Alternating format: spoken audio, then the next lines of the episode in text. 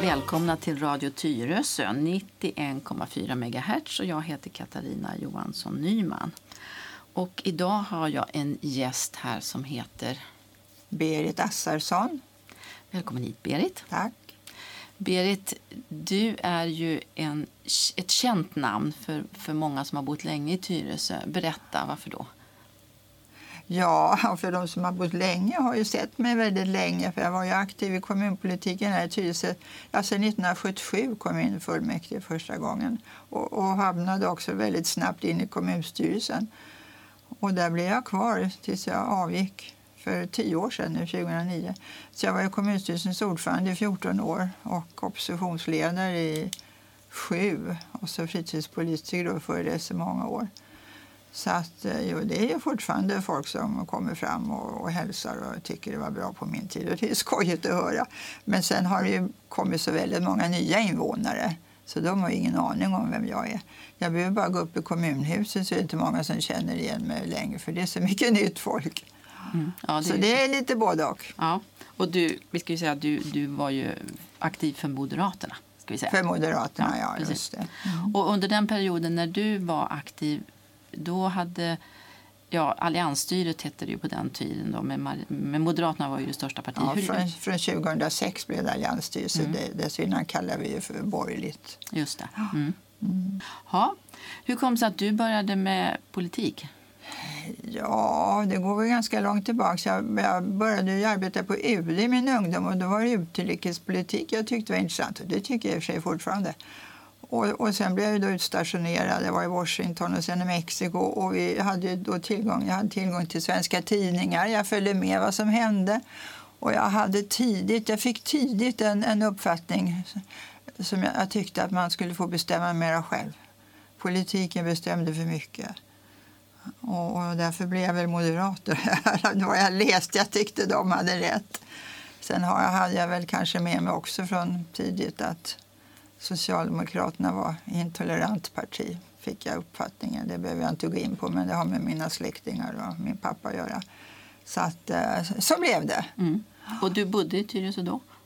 Nej, jag var uppvuxen i stan, i Stockholm, på Lilla Essingen. Men eh, så träffade jag min före detta man i Tyresö, eller i Mexiko. Vi blev kvar där ganska länge och kom hem 1974 och då hamnade vi här i Tyresö.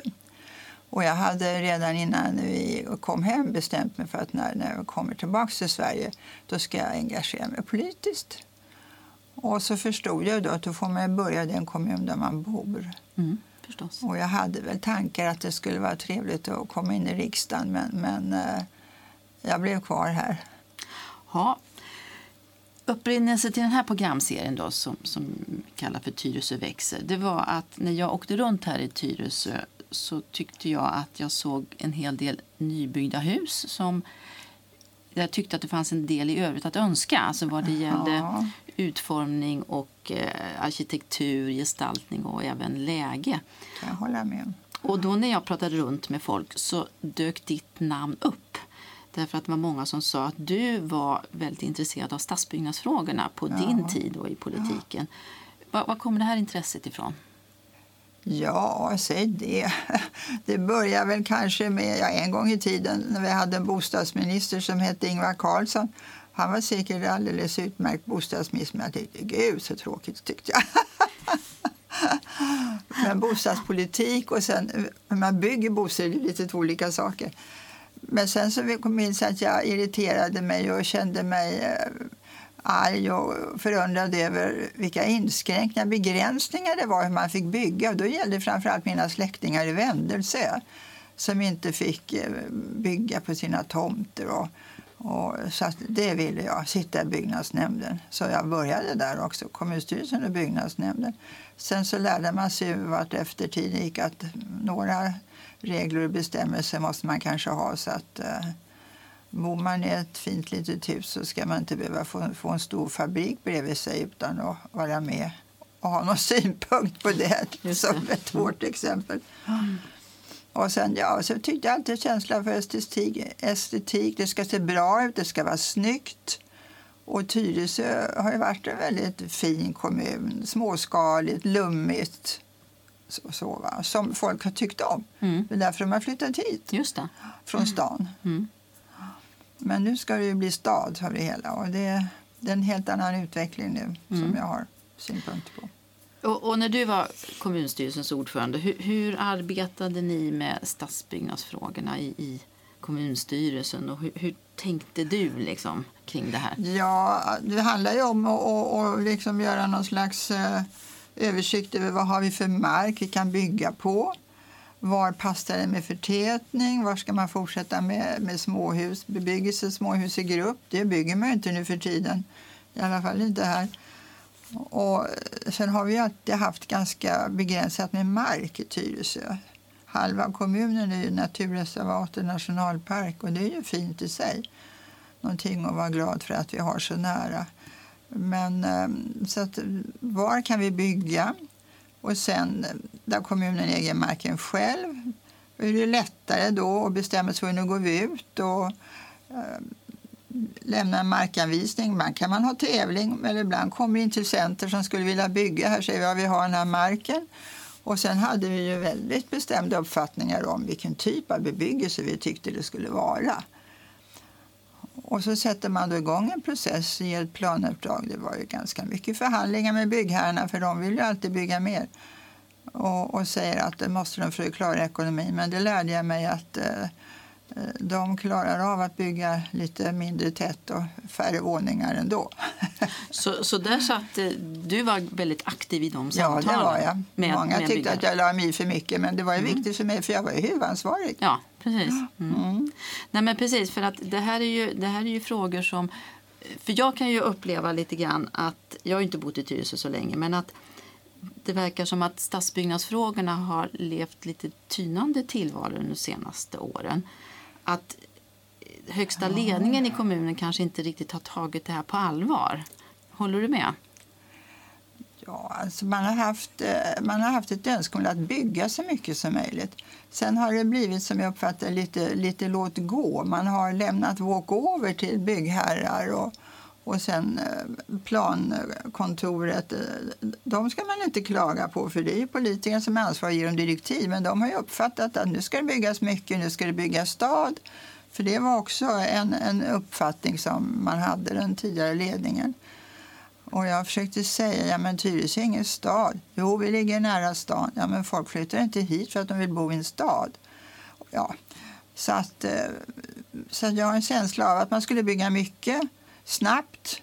Jämfört med andra kommuner, det byggs överallt, det behövs bostäder, visst. Men att det sen skulle passa in i Tyresö och, och lyssna på hur folk uppfattar det. Alltså, där missar man ju väldigt mycket. Jag tycker det blir lite låt gå. Byggherrarna kom med sina förslag och men det bara körde man. Just det, precis. För det, jag har ju själv varit på den sidan. Jag har själv suttit som byggherre. Ja. Och, och då vill man ju naturligtvis, som du säger, man vill bygga så mycket som möjligt Ja, för att få så ja, bra kalkyl som möjligt. Men det är ju oerhört viktigt att en kommun har en vision och att man också törs säga att nej, nu, nu, Mm. Ja. vi ska inte ha sex våningar, vi Nej, ska kanske bara ha exakt. fyra våningar. här. Just det, ja, det gjorde jag väldigt mycket. Jag hade till och med synpunkter på eh, fa- fasadmaterial och så vidare för det skulle se bra ut. Vi har ju några exempel där jag inte tycker det ser särskilt bra ut. Nej, nej, just det. Nej, precis. Nej, men för jag, för jag tror, tänker ju så här att, att i Tyresö, i alla fall för ett antal år sedan, så tänkte man kanske, eh, om man var kommunalråd, att det inte var så många som ville bygga här. Och då blev man väldigt smickrad när de här stora byggarna kom och ville bygga. Så då lät man liksom dem hållas ganska mycket. Ja, nej, så det vill jag nog inte säga ändå. Jag tror att Tyresö alltid varit populärt att bygga i. Alltså, byggherrar har sett att Tyresö kan man bygga, där kan man sälja. Eh, den svåra perioden var ju då på början på 90-talet när vi hade vår egen fastighetskris i Sverige. Då var det ju svårt att få igång byggen. Men, men vi lyckades med det, mycket tack vare den utomordentligt skicklig stadsbyggnadschef vi hade på den tiden eh, som nu har gått i pension, så lyckades vi ändå vi lyckades få igång Trädgårdsstaden under den svåra tiden och fick ett antal intressenter som var beredda att, bygga. Men, men eh, sen så, det här var min första period som kommunstyrelseordförande mellan 92 och 94. Sista perioden var tre år också bara man satt. Sen så kom ju Socialdemokraterna tillbaks och eh, jag ska inte klaga på dem. Det var fortsatt väldigt svårt men de lyckades alltså inte få igång tror jag, ett enda bygge under sina fyra år. Så. Men eh, en normal eh, konjunktur och så med sån behov av bostäder så, så ser man nog Tyresö som ganska attraktivt att bygga i. Det tror jag. Mm. För, för jag tänker, de, det finns ju de som säger då att det här valet då som var för ett år sedan då när, när Moderaterna backade, Förlorade stort. ja, backade till och med mer än i, på riksdagsnivå vill jag Ja. minnas. Och då finns det de som säger, eller och jag tror till och med att Moderaterna själva gjort den analysen, att Ja. en av orsakerna kunde ha varit att det har byggts en del eh, saker som, som folk inte tyckte om. Eh, och och då, då tänker jag ju så här att då blir det ju väldigt farligt om man låter någon annan, om det är då är tjänstemän eller byggherrar, bestämma för mycket. Men det är ju politiken som får ta ansvaret sen. Exakt. Så är det. Jag var väl mer eller mindre beredd på att vi skulle backa stort men jag tror mina parti, partikamrater var inte det. De var rätt chockade. Men sen har man gjort en ordentlig analys och man är nog på det helt klara med att eh, det var mycket hur- hur man byggde och att man upplevde att den ledande politiken inte lyssnade på invånarna. Du, du är också av den uppfattningen att det, Absolut. det var delvis det som Absolut. avgjorde? Mm. Och jag tror att man håller på att ompröva nu. Att man, man har insett att eh, för att få tillbaka våra väljare måste vi visa att vi, att vi backar och anpassar oss mera till hur folk vill att det ska se ut i Tyresö. Alltså, man bygger inte fem, sex våningshus precis i anslutning till eh, ett villaområde till exempel. Sen är det också nu, det är någon slags mode, det är inte bara här man ska bygga jättehöga hus. Mm. Ja. Bygga Det stad. kan passa här och där. Ja. Till exempel vår, vår Tyresöview, vårt höga hus mitt i centrum. Det, den planen tog sig fram under min tid. Och det tycker jag blev väldigt bra. Mm. Men i mitt huvud så fanns det alla att vi skulle fortsätta att bygga höga hus som det här 16-våningshuset som inte bara är högt, det är också väldigt stort i omfång. Mm. Du tänker här i centrum? Ja, just det. Mm, just det. Sen kan man ju ha, det är olika med tycke och smak, men personligen så tycker jag att fasaden är jättetråkig. Mm. Du tänker på det här... äh, trist grå färg med, med ränder. Ja. Jag brukar kalla det för skurhinksgrå färg. Ja, okej. Ja. Men för att eh, om, om jag har förstått det hela så de här husen då som kom fram så har ju egentligen alla partier varit med och bestämt Ja. om, om det i Mm. Ja, kommunstyrelsen. precis. Så att man har ju lite svårt att, att skylla på varann. Och Ja. då har jag hört, det här är bara ryktesvis ska jag säga, att eh, Fredrik då, Savestål som var din efterträdare, som var Ja. kommunstyrelsens ordförande, han tyckte liksom att det fanns ingen annan som var intresserad av de frågorna så att eh, det blev liksom hans frågor. Och de andra de tyckte att Fredrik släppte inte ifrån sig frågorna. Och, och sanningen ligger väl kanske antagligen någonstans mitt emellan. Ja. Men hur, hur, kan man, hur kan man göra i, i kommunstyrelsen för att de här frågorna ska bli liksom mera... Att alla ska känna ansvar och all, alla ska ta det? Liksom och, och, Ja, det där är svårt. Jag upplevde också på den tiden jag var ordförande i min egen grupp, partigrupp att det var inte så många som var intresserade. Och jag vet inte varför. De kanske tycker det är svårt. Det är inte frågor som de har tidigare liksom känt att det är det de ska jobba med kanske när man blir politiker. Och jag har nu försökt tjata på de som har tagit över i mitt parti att eh, jag kommer, nästa gruppmöte vi har så hoppas jag att jag ska få möjlighet att ta några exempel på detaljplanen och gå igenom. Det är en tjock lunta man får med en ja, planbeskrivning. precis. Att man måste liksom veta vad som står i den och var man ska hitta det som beskriver vad som kommer att byggas, hur det kommer att se ut. För det Mm. finns ju alltid små skisser. Och, och det är ju inte bara mitt parti, jag tror det är så i alla partier. Jag menar, jag undrar hur många i fullmäktige som eh, av alla 51 ledamöter, eller är det 55, 51, som egentligen riktigt vet vad det är har varit med och beslutat om. Som, som kan liksom göra sig en uppfattning om hur det kommer att se ut. Jag tror inte det. Nej, nej, jag håller med. För precis, precis, Pre- Precis det som du beskriver nu, det har jag fått höra av en person som, som har erfarenhet just från kommunstyrelsen Tyresö som sa att så kom man till ett möte och så hade man fått en två centimeter tjock Ja. Mm. bibba. Eh, Och jag satt ju inte där för jag var intresserad av stadsbyggnadsfrågor. Jag var ju intresserad av skolfrågor eller Ja. äldreomsorg. Ja. Eller vad var. Och så skulle man försöka i den här bibban på två centimeter försöka förstå vad är det väsentliga. Och är man då inte specialintresserad så blir det väldigt svårt. Därför är det viktigt att man har ordentliga genomgångar. Vi, vi hade, på min tid hade vi en planberedning, alltså ett beredningsorgan där man gick igenom väldigt noga med skisser hur det skulle se ut, hur det var tänkt och vad som eventuella nackdelar och fördelar och så vidare. Och så vidare. Nu har man en annan process. Jag vet inte hur mycket faktiskt eh, som vilken, djupgående beskrivning. Jag menar, vi, visa en bild, brukar jag säga. Visa en bild på en tänkt bebyggelse. De är ju jätteduktiga på att få det att se väldigt trevligt ut. Ja, va? oh ja, de som oh ja. vill bygga. Ja. Så man, där ser bra ut, säger de då. Och så Jaha, lägger men- man in olika människor och det ser så Ja, men ut. och visst, men tänk då platsen det ska ligga på. Tänk höjden på husen kring omgivningen och så vidare. Alltså, där tror jag väldigt få som gör det. Mm. Tyvärr. Och då blir det ju väldigt fritt fram för um, personalen på stadsbyggnadskontoret. De har fått i uppdrag att det ska byggas och det ska byggas stad. Så gör de ju det. Mm. För, för jag har ju erfarenhet från Solna då. Eh, Och, och, och det är klart, jag, eftersom jag var byggherre där så var väl jag inte alltid jätteglad. Men det jag ändå märkte det var att det fanns ett väldigt stort engagemang från högsta ledningen kring Ja. stadsbyggnadsfrågorna. Och vi, måste, vi tog alltid fram modeller. Ja, Där, där man då kunde se hur stort det här huset blev i, i förhållande till omgivande bebyggelse. Och så gick liksom kanske tio personer eller ännu fler runt ett bord och tittade och försökte spana in och hur, hur skulle det bli och sådär. Och så kunde man säga nej, det här är för högt, ni måste ta bort en våning eller två våningar eller så.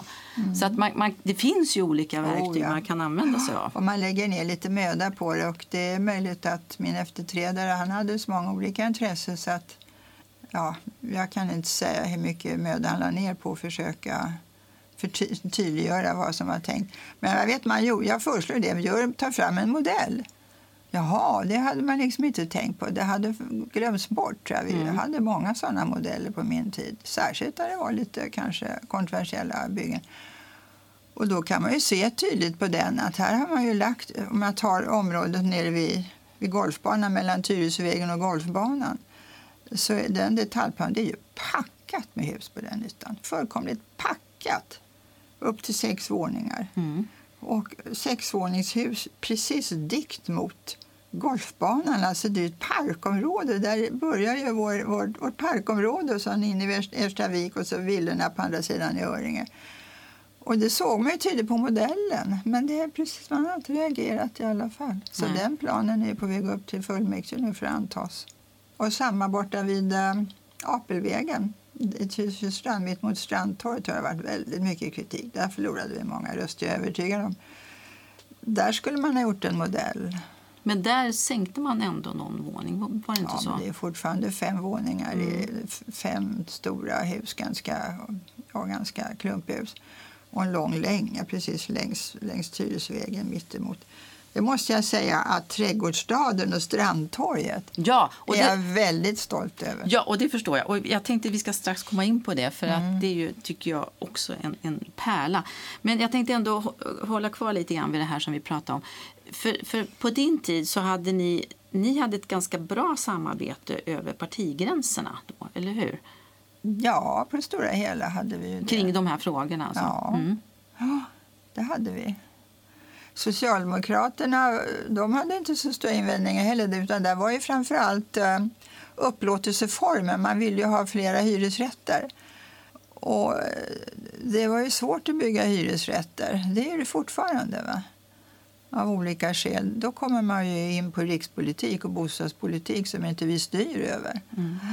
Så det, egentligen så, det var egentligen där mer skil, skiljelinjen Ja, låg, alltså vilken ja. upplåtelseform ni skulle Ja. ha då. Mm. Inte så mycket liksom, utformning och... Nej, det fanns väl kanske några som hade förde fram att vi skulle använda marken mer effektivt och vi skulle ha någon slags markreserv. Och, men ja, vad de menade med effektivt det framgick aldrig riktigt. Men det, det var inte så stora konflikter faktiskt kring hur vi byggde. Men ditt, ditt stora intresse då för detaljer och färg och form då, då måste det ju ändå ha varit så att många tyckte du var riktigt jobbig, Ja, antar det jag. tyckte de, men jag brydde mig aldrig om det. Nej, du behövde inte göra det. Nej, men, ja, precis. Jo, tjä- tjänstemännen tyckte det ibland. Det, Ja. det kände jag på mig. Men eh, ja, de tycker väl också i slutändan att det blev bra, det vi har byggt. Ja, för då tänkte jag faktiskt att vi ska komma in på det här som du nämnde, nämligen Tyresö strand. Och det är väl det som du kallar för trädgårdsstaden? Ja. Mm. Jo, för det var tanken att det skulle bygga en trädgårdsstad där husen skulle ligga liksom längs gator och trädgårdarna mot, mot, eh, mot gatorna som, som är liksom beskrivna av en trädgårdsstad.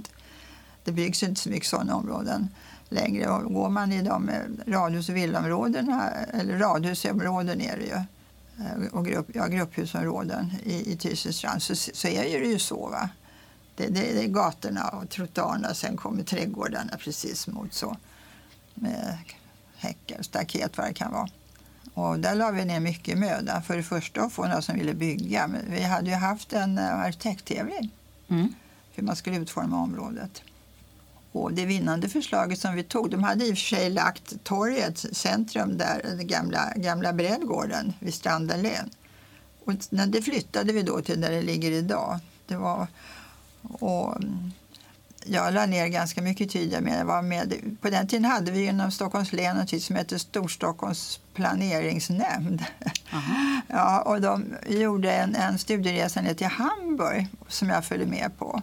Och då var vi i en mindre stad, samhälle en bit från Hamburg där man hade byggt lite nya bostadshus som jag såg och blev väldigt förtjust i hur man hade lagt husen runt ett torg så att det blev som ett rum på något sätt. För de ursprungliga skisserna på Strandtorget så var det ju en torg och husen låg i hörnerna och fyra vägar. Det blev som, mer som en stor öppen blåsig plats. Mm. Så, så där fick vi inspiration och vår dåvarande stadsbyggnadschef han var också med på den här resan. Så att jag tycker det Strandtorget tycker jag blivit jättefint och bebyggelsen där. Där vi hade ju många studiebesök på den tiden. Så jag är rädd för att det som man bygger på andra sidan kommer inte alls att se ut ens i närheten av Och jag vet ju, där var ju du också väldigt noga med kulörerna på husen. Ja, jag har hört att du sprang omkring kulörerna. Nej, nej, det Med färgkartor Nej, det är nog överdrivet. men man hade kanske färgkartor på stadsbyggnadskontoret. Nej, men vi, hade, vi tog ju också fram ett kvalitetsprogram för hela trädgårdsstaden och Tyresö strand i övrigt faktiskt.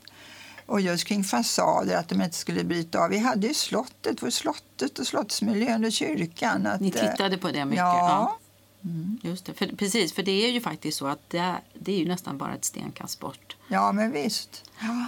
Så det var eh, fasadmaterial och, och vi skulle inte ha några starka turkosa eh, gredelina färger för, att överdriva lite. Det finns sådana exempel också.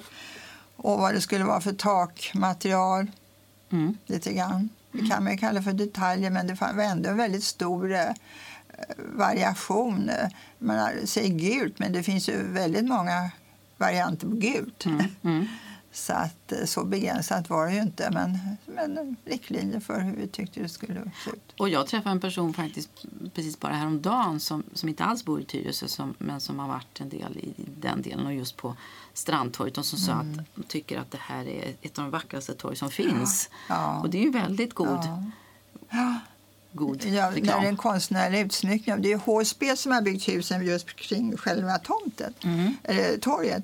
Och då skulle vi ha en konstnärlig utsmyckning förstås. Och de hade anlitat en, en konsult som skulle hjälpa oss med det. Och det var jag och en, en från vårt eh, kulturkontor.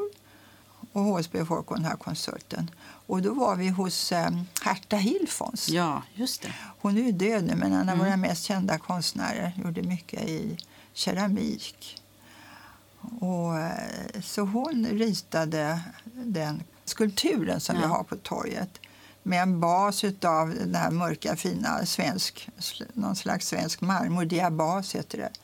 Och så med de här i brons är det väl. och står- kannan. ja, tyvärr har ju en del av den skulpturen blivit stulen. Aj då.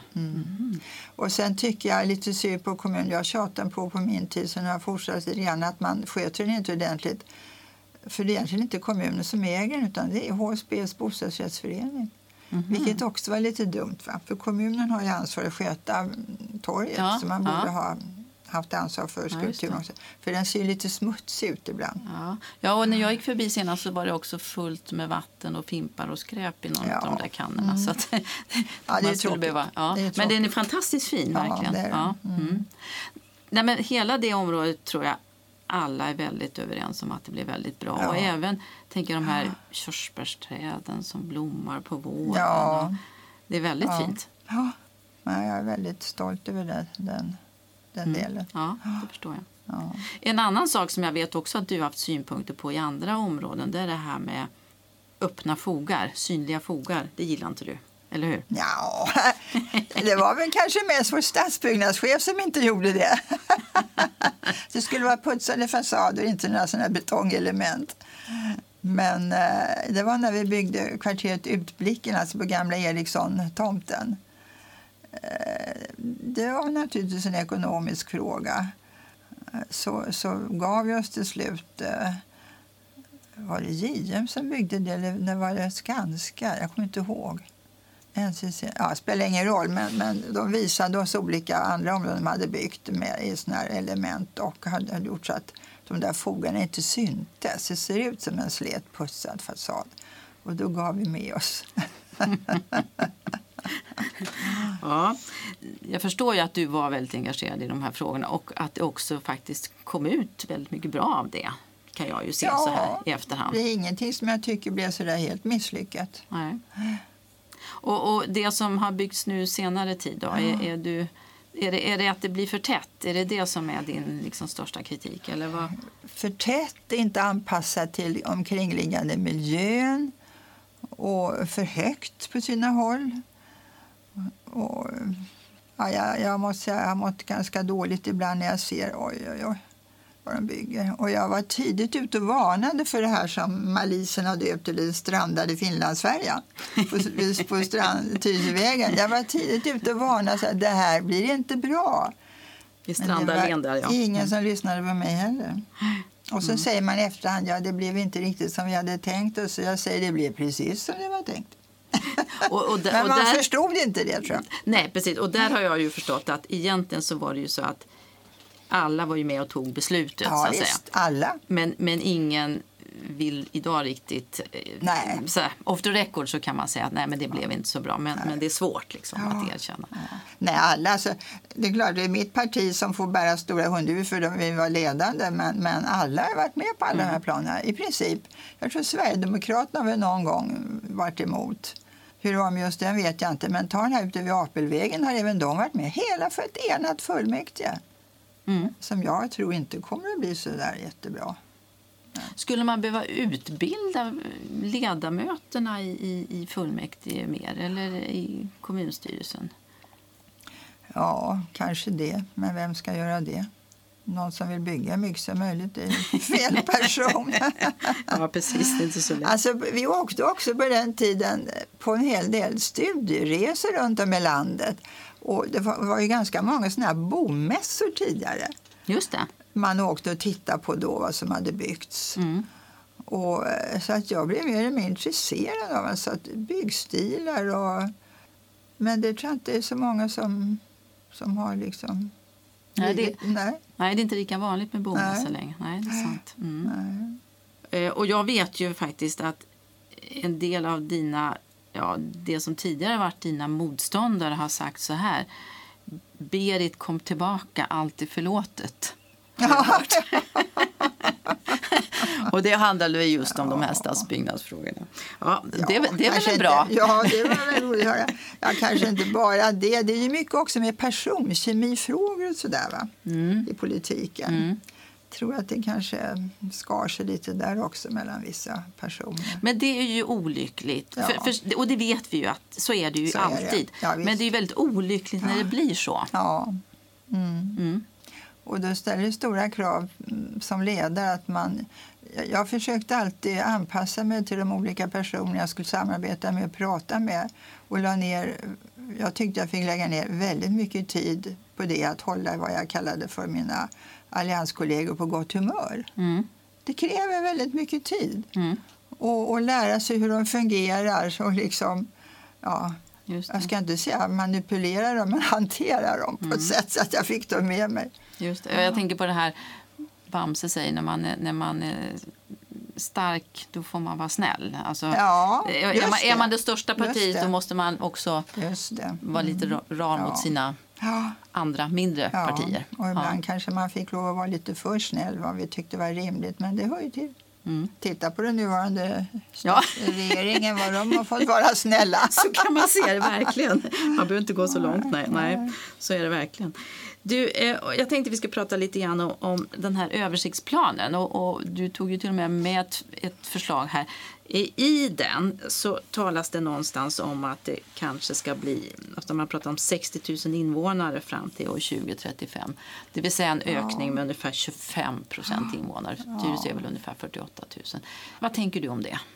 Ja, alltså jag tycker det är fel att utgå från hur många invånare man ska bli. Jag har försökt säga att vi måste utgå från vad har vi för mark att bygga på. Vad tycker vi skulle passa bygga där? Och sen räknar man då fram hur många nya bostäder kan vi skapa på ett bra sätt och hur många invånare kan det ge. Istället sätter man en siffra att vi ska bli så här många invånare. Det sättet att planera har jag aldrig stått mig på. Men nu är vi på rask väg emot det för då måste man bygga mycket. Vi kommer att bli mer än 60 000 invånare är jag övertygad om om man fortsätter i den här byggtakten. Mm. Det senaste förslaget från den nuvarande ledningen, då, nu är det en helt annan ledning, Socialdemokraterna, Liberalerna och Miljöpartiet, de har nu lagt förslag att bygga 200 bostäder borta på Bollmaravägen, alltså borta vid eh, Lindalen. Det som Ja. kallas Amaryllisparken. Ja, Mm. före Amaryllisparken, där det nu är bollbanor. Det är väldigt mycket folk där och spelar på bollbanor, har jag sett. Men före det så är det en- bra sträcka med, med liksom lite skog. Mm. Men det är ett ganska smalt parti, för på andra sidan ligger ju Lindalen och villaområdet. Mm. Där har man tänkt sig klämma in 200 bostäder, upp till sexvåningshus. Mm. Vad tycker jag? Kommer det bli bra? Passar det med villorna på andra sidan? Mm. Och 200 bo- bostäder är ganska mycket. Det tror jag också att folk, folk har svårt att föreställa sig hur många hus det blir. Men att ta vårt höghus, hela höghuset Tyresö, det är inte 200 bostäder det. Det är nästan. Då, Så man får en känsla av att oj då, det, är, det är mycket. Va? Jag tror att det är runt kanske 175-180 lägenheter i Tyresö, 23 våningar högt. Mm. Men här, jag tror att den här översiktsplanen är också väldigt svår för folk kanske att riktigt uppfatta vad som är tänkt. Man talar till exempel här om tydlig stadskärna.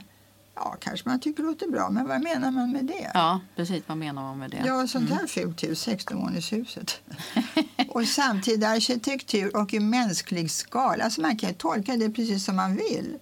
Och sen kommer det här att använda mark effektivt. Ja, då blir det ju höghus och väldigt tätt. Mm. Mm. Och det blir kanske inte så många 16-våningshus även om jag vet att man planerar åtminstone ett till. Men, men det blir ju man, upp till 10 våningar, 8 våningar och väldigt tätt. Och då, då förändrar man hela Tyresös karaktär. Även det här som vi tycker är den centrala delen där vi, där vi har haft som mål att här kan man förtäta. Mm. Men nu gör man det på ett sätt så att man är på väg. Man vill att det ska se ut som en stad. Mm. Är det ändå inte bättre att man bygger, bygger då centralt men, men att man Ja, är lite mer absolut. försiktig längre ut, så att säga, Trollbäcken Jo, men visst, den tanken, det, det är rätt. Mm. Så, det är absolut. Men, men sen är frågan hur man gör det. Men när man bygger förtätar också ute i Tyresöstrand som vid Apelvägen eller i Trollbäcken vid, vid eh, skolvägen där, där gamla Shellmacken låg eller ligger kvar. Jag vet inte om den är riven nu. Alltså då blir det okänsligt. Då lägger man i ganska stora flerfamiljshus precis dikt mot villorna. Mm. Det blir inte bra. Jag Nej. förstår att folk blir sura. Du, du menar att man skulle gå ner i skala istället Ja. för att bygga fem eller sex Man kan? Så man kanske man skulle bygga tre då? Eller? men, men eh, man bör gå ner i skala. Ja. Tre våningar Mm. tycker jag max för att det ska liksom smälta in. Det finns ju exempel, många sådana exempel där man har en liten radhusgrupp eh, eh, eller något sånt. Det verkar som att det här med småhus i grupp det har det gör man inte längre. Nej. Men du, det finns ju alltid de här som man kallas för ni- nimbus, alltså not in my backyard. Ja, alltså, oh ja, eh, oh ja. Att, att man, man brukar säga det att ingen vill att man ska byggas nära mig, så att säga. Men du, gärna bygga över, generellt, men visst, inte... Nej, jag brukade säga att ska man lyssna till invånarna till 100 procent skulle man inte kunna bygga någonting. Nej, Nej. nej, så är det förstås. Så att, eh, det är ju en balansgång där Mm. naturligtvis. Och det får man räkna med att alla blir inte nöjda. Det går inte att få alla, alla nöjda. Men, men man kan ju ändå begränsa missnöjet. Mm. Är det några särskilda områden du, som du tycker man ska egentligen liksom hålla borta från bebyggelse? Eller, eller, Ja, alltså vi har ju inte så mycket sådana fria ytor där man kan diskutera bygga och inte bygga. Det är bara att titta på kartan. Det, det är förtätningsområden bland det som redan är bebyggt. Och eh, man bör ju hålla fritt kanske hela, hela Vättingestråket, självklart. Och det tror jag alla är inne på också, att där ska man inte bygga. Sen så tycker jag man behöver ju inte bygga igen vartenda, varenda grönplätt som ligger mellan områdena och kvarteren. Till exempel på vägen upp till Krusboda så passerar man ju en liten sträcka med lite skog. Och det är väl bra att det finns Mm. nära. Lite, lite träd, det är inte bara hus. Då är man ju inne i stenstaden. just det. Och sen har man ritat in här ett vad man kallar för utvecklingsstråk där man tycker att man kan för, förtäta enligt översiktsplan. Till exempel hela Mygdalsvägen ända upp till, till Krusboda. Och då blir det att man ska fälla skogen och bygga längs hela vägen. Och de som bor i den delen av kommunen har ju sagt nej till det, det vet jag. Så får vi se hur det blir i framtiden. Men jag ty det tycker jag är onödigt klåfingrigt. Man Mm. måste inte bygga igen varenda naturplätt. Nej. Och det säger man ju på många håll i översiktsplanen att man inte ska göra heller. Men, men sen tycker jag inte alltid man lever upp till det. Nej, just det, att det blir mer liksom, ord, så att Ja. säga. Mm.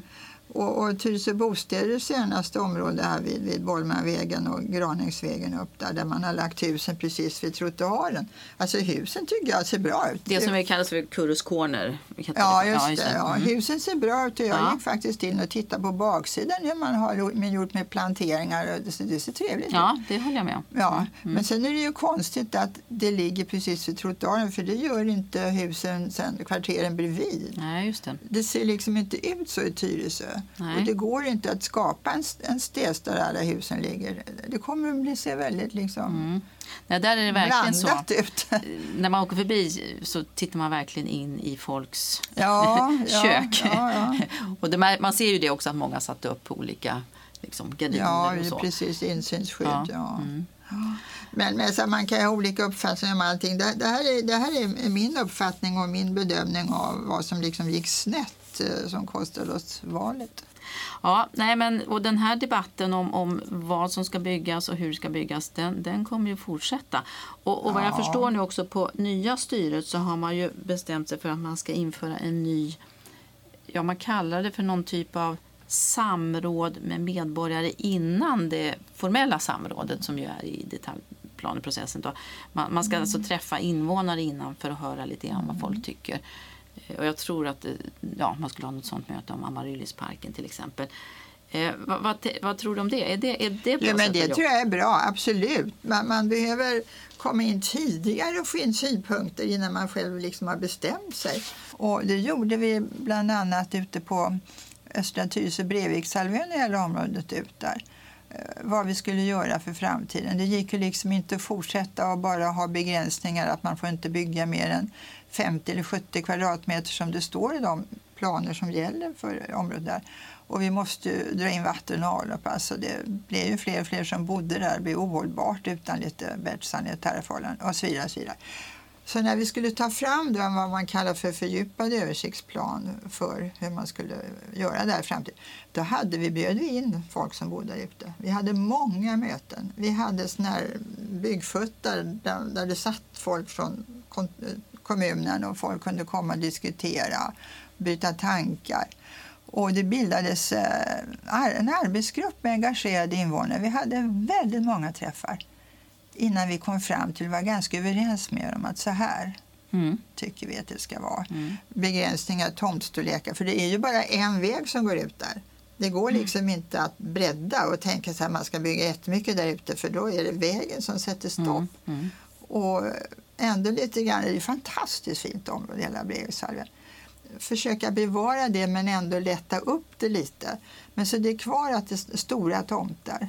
Och det blev ju lite begränsningar i husstorlekarna som jag kanske tyckte. Det, det ville de ha där ute. De ville inte ha massa stora hus. Men det, det, ja, det blev ju en kompromiss. Men det har man ju ändrat på det, så nu kan man bygga större hus.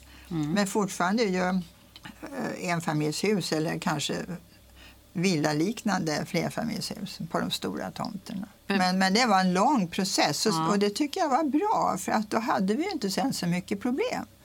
För man, när man tittar sig runt om i, i Tyresö, ja, framförallt i östra Tyresö då, där det är kanske gamla sommarstugetomter som sen har blivit Ja. per- permanentade. Så det är ju ganska vanligt med de här som jag kallar för stora lådorna som har byggts. Alltså Ja. väldigt funkishus. Ja, alltså, ja. my, mycket fönster, mycket, Ja. mycket platta tak Ja. Eh, och ganska högt och stort. Ja, tänk på Systerstrand. Ja. Ja, ja, trots vårt kvalitetsprogram så, så är det ju så. Va? Det har det blivit så. Vi har ju inte haft synpunkter på hur arkitekturen ska se ut. Nej, det får ju vara nej. någon måtta. Det är ju inte kommunen som äger marken.